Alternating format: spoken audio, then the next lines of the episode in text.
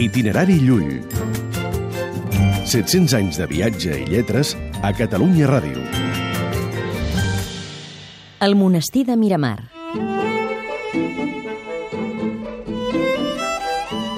L'any 1276, Ramon Llull va convèncer el rei Jaume II de Mallorca perquè construís un col·legi per a missioners. Van aixecar-lo en el paisatge inigualable de Miramar.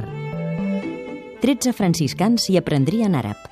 Llull ho recordava al cant de Ramon. Al monestir de Miramar vaig fer donar a franciscans per convertir els serraïns. Entre la vinya i el fonollar em va prendre l'amor diví i em deixà entre plors i sospirs. Itinerari Llull.